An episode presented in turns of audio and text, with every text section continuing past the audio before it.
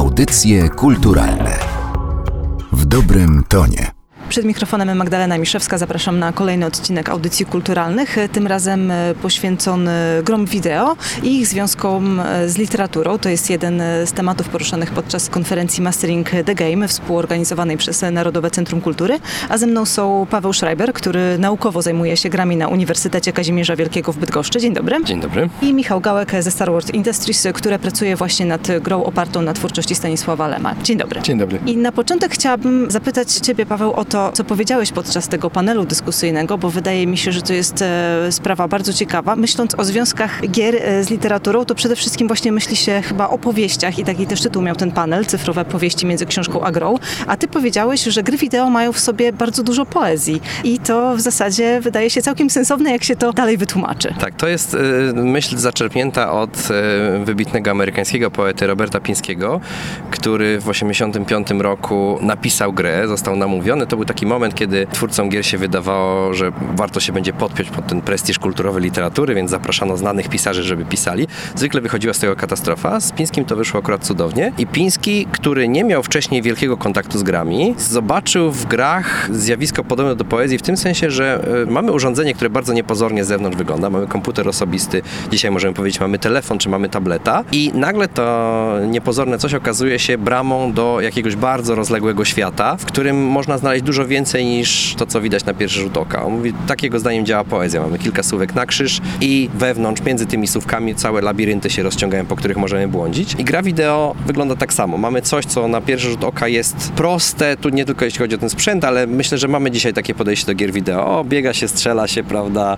albo jest to jakaś seria prostych wyzwań, które musimy pokonywać. I nagle się okazuje, że tak naprawdę to jest tworzenie jakichś niezwykłych przestrzeni i wirtualnych, i jakichś pojęciowych, po których rzeczywiście odbiorca może błądzić do woli. Tak? Także w takiej bardzo skondensowanej formie są niezwykłe możliwości. A czy gracze byliby w stanie pomyśleć o sobie jako o miłośnikach poezji? Niekoniecznie, natomiast myślę, że gracze i projektanci nawet gier często nie zdają sobie sprawy z całej złożoności tego medium i z możliwości, jakie to medium daje i z tego, jak wyrafinowane są te zabiegi również artystyczne, które na co dzień w grach spotykamy. To jest oczywiście kwestia po trosze historii gier, po trosze tego, jak się o nich pisało, ale stanowczo nie doceniamy całego ich niezwykłego potencjału i gdzieś tam często i grając, i projektując gry, i mówiąc o grach, poruszamy się na takich bezpiecznych, znanych terytoriach. Gdzieś tam między konwencją strzelanki, a gry z zagadkami, nie zdając sobie sprawy, jak niezwykłą formą, na przykład pod względem narracyjnym dzisiaj się stały gry. To są zabiegi, których rzeczywiście mógłby się od gier bardzo często uczyć i film, i teatr.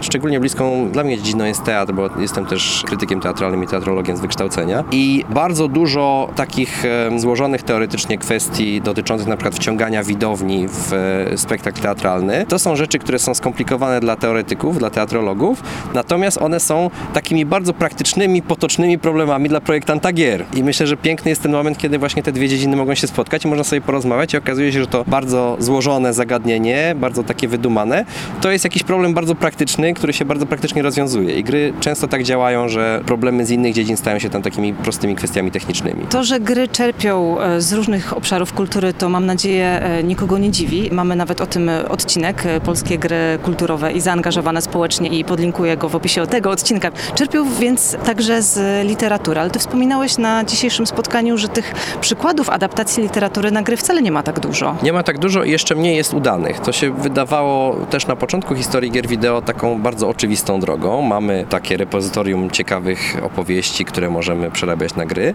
ale okazało się, że to przekładanie jeden na jeden fabuł literackich na gry wideo bardzo rzadko działa dobrze, trzeba znaleźć jakąś ciekawą, sensowną formułę.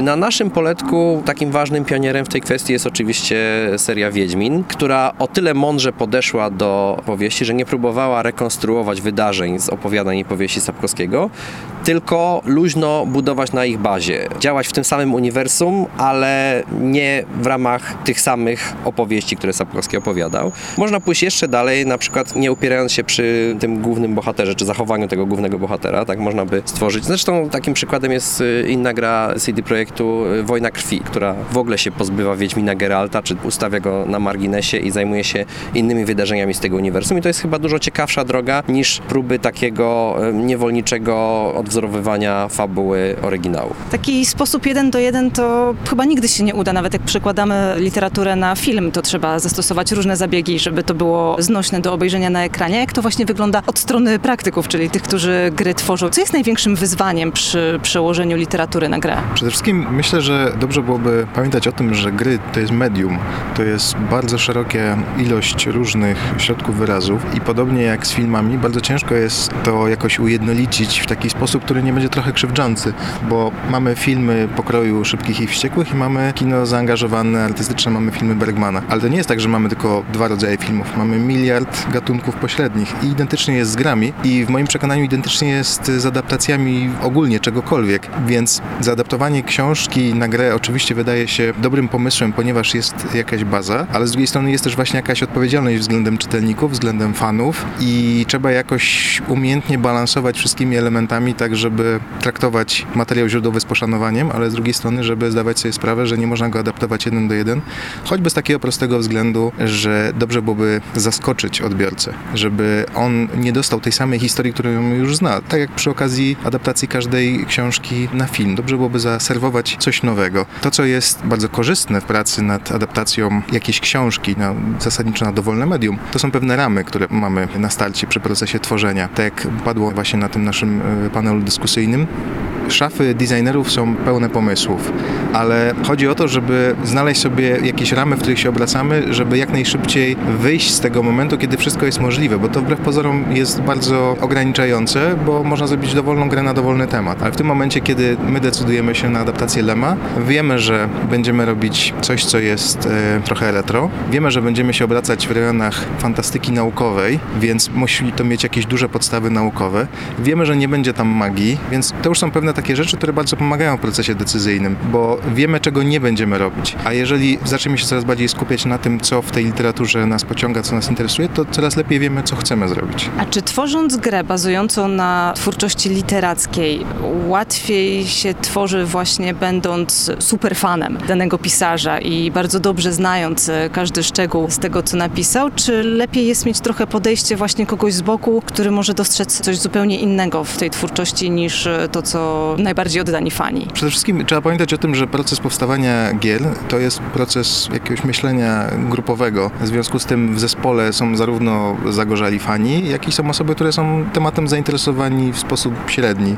Chodzi przede wszystkim o to, żeby zastanawiać się nad tym, co jest w tym pociągającego. Jest jakaś osoba, która ten projekt prowadzi, która nadaje ogólną wizję i my ją jakąś staramy się rozbudowywać i szukamy elementów, które wydaje nam się, że będą pasować. W przypadku utworów adaptowanych żyjących autorów, jeżeli jest to możliwe, zawsze można się skonsultować i spytać, czy sądzisz, że to pasuje do tego świata.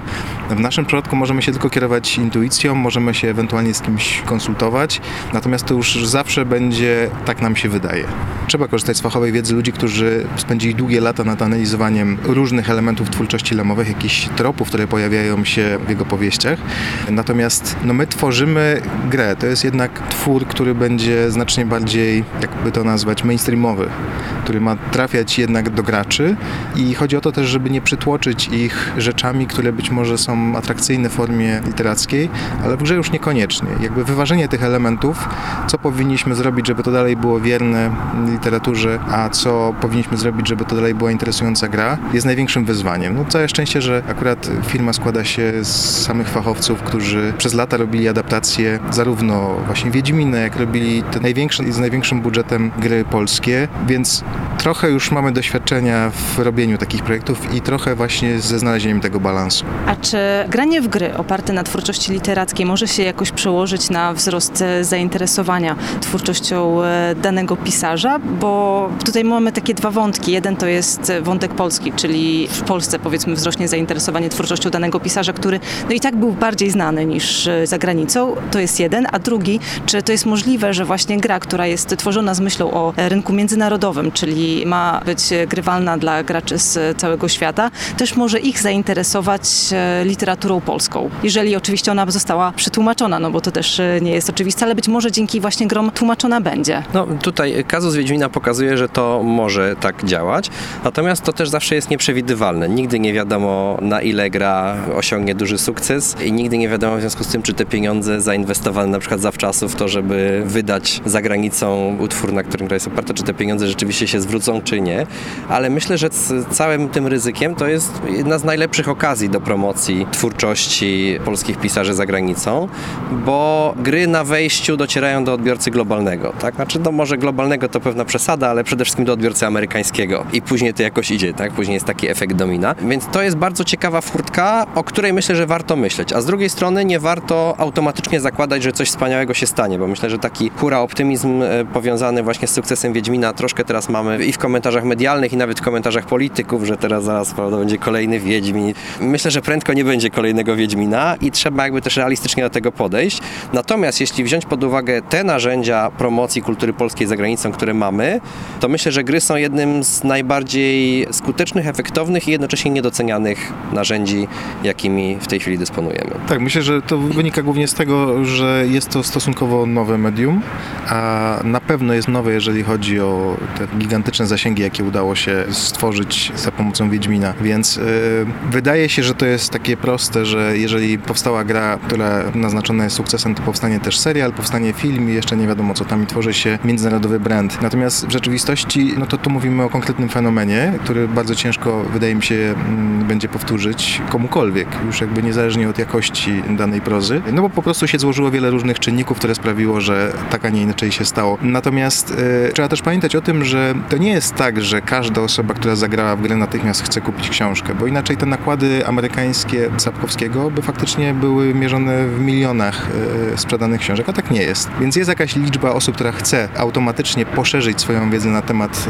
y, tego świata, natomiast nie zakładałbym, że to jest norma i oczywiście jeżeli uda nam się sprawić, że książki Lema trafią do młodych odbiorców, młodszych, którzy tej twórczości wcześniej nie znali i wejdą do tego świata za pomocą gry, to będzie nasz ogromny sukces, będziemy z tego bardzo powodu zadowoleni, ale liczymy się z tym, że wcale tak nie musi być. Te dysproporcje widać też właśnie w przypadku serialu powstającego o Wiedźminie. Sporo osób komentujących w internecie poszczególne informacje, które na temat tego serialu się pojawiają, odnosi się właśnie do gry, a wcale nie do książki i tutaj okazuje się, że oni przekonani o tym, że znają doskonale świat Wiedźmina, wielu rzeczy nie wiedzą, dlatego że tego nie przeczytali. Tak, ja myślę, że tu jeszcze jedna rzecz wchodzi. W pewnym sensie bardzo niebezpiecznym manewrem wobec społeczności miłośników gry Wiedźmin jest robienie serialu Wiedźmin, bo oczywiście społeczność graczy będzie się czepiała wszystkiego, tak, że miecze nie takie, że pasek od spodni nie taki, a to oczywiście jest wierzchołek góry lodowej i nie zazdroszczę twórcom tego serialu, myślę, że są w bardzo trudnej pozycji, troszkę też w takiej pozycji, w jakiej jest y, twórca gier w stosunku do miłośników książkowego oryginału, także pewne rzeczy z konieczności będzie musiał zmienić i nie wiadomo jaka będzie reakcja.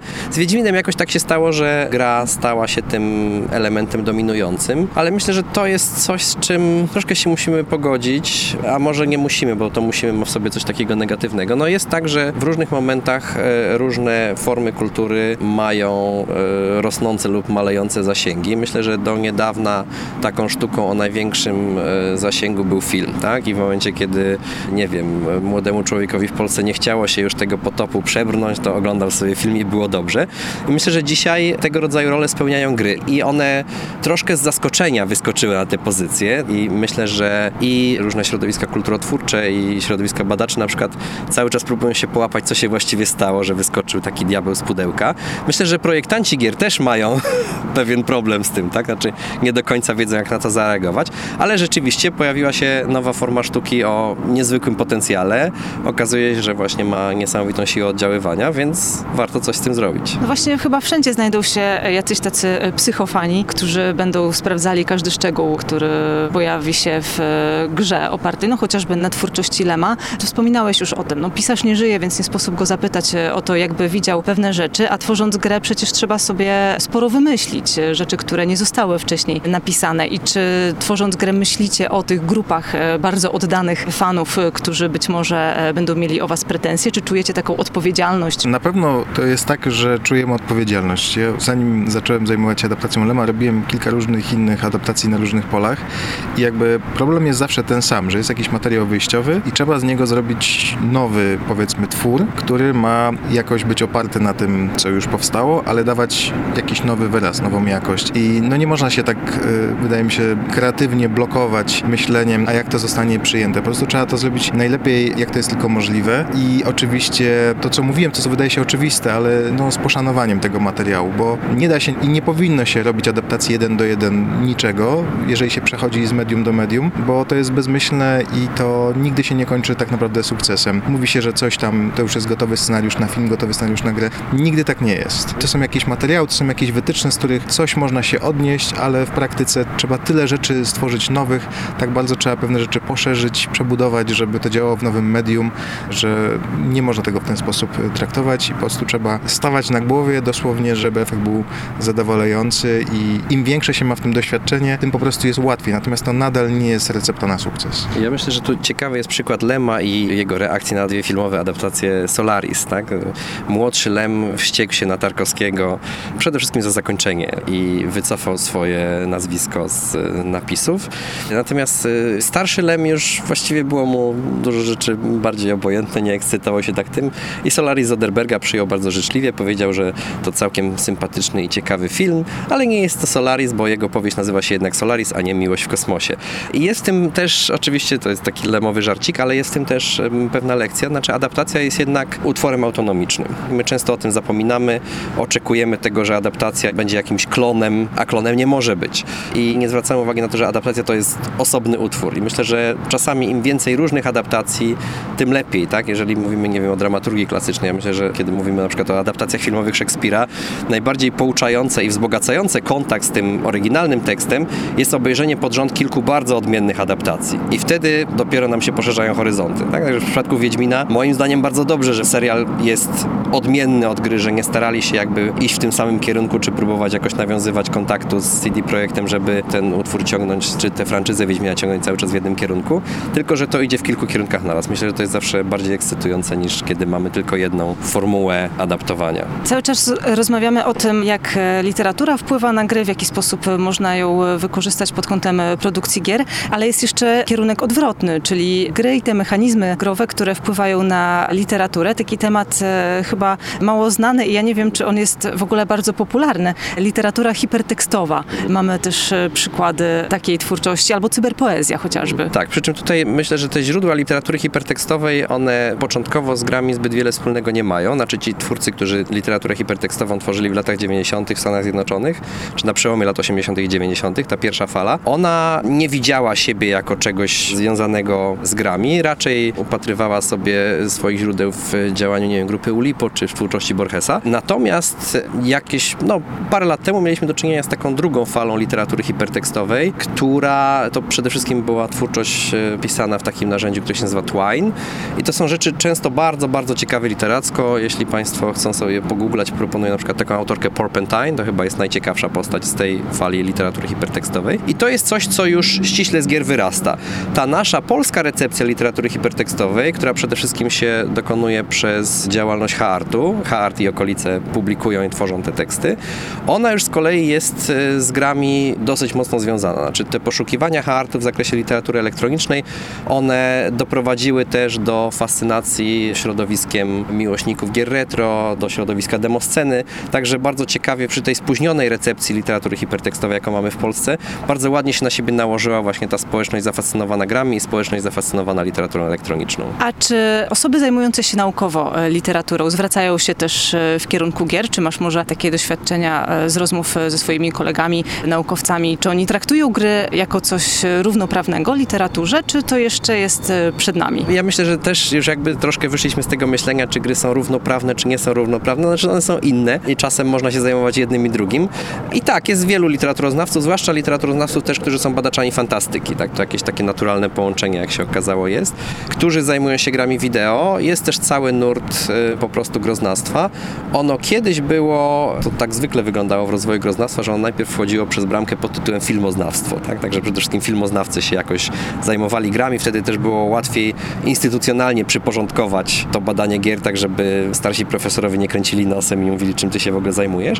Natomiast dzisiaj ten krąg badaczy, którzy się grami zajmują z bardzo wielu jakby pochodzi dziedzin. Mamy literaturoznawców, kulturoznawców, filmoznawców. Mamy też od drugiej strony, od takiej strony inżynieryjno-informatycznej dobrze rozwinięty nurt badania gier, także bardzo różnie to bywa. Moimi gośćmi byli Paweł Schreiber i Michał Gałek. Dziękuję. Dziękujemy. Audycje kulturalne w dobrym tonie.